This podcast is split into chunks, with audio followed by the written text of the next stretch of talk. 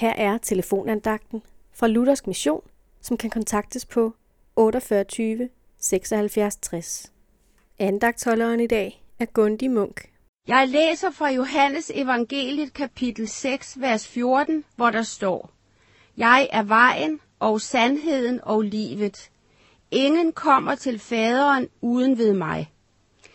Det er ordet sandheden, jeg vil tage frem. Taler du altid sandt?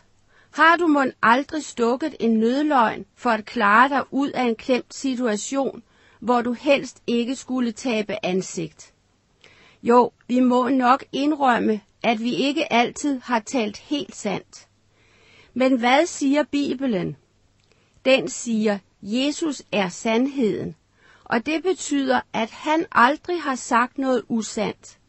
Det kunne han ikke, fordi hele sandheden er i ham. Bibelen fortæller om Jesus og hvad han gjorde. Han blev født som et menneske og er alligevel Guds søn. Han blev pint, korsfæstet og døde for dig og mig.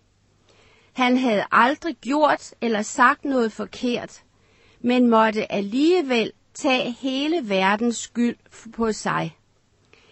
Vi finder kun den rigtige sandhed hos Jesus.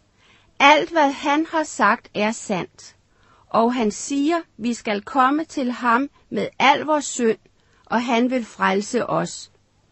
Så vil han lede os gennem hele livet, for at vi kan nå himlen en gang. I himlen findes ingen synd.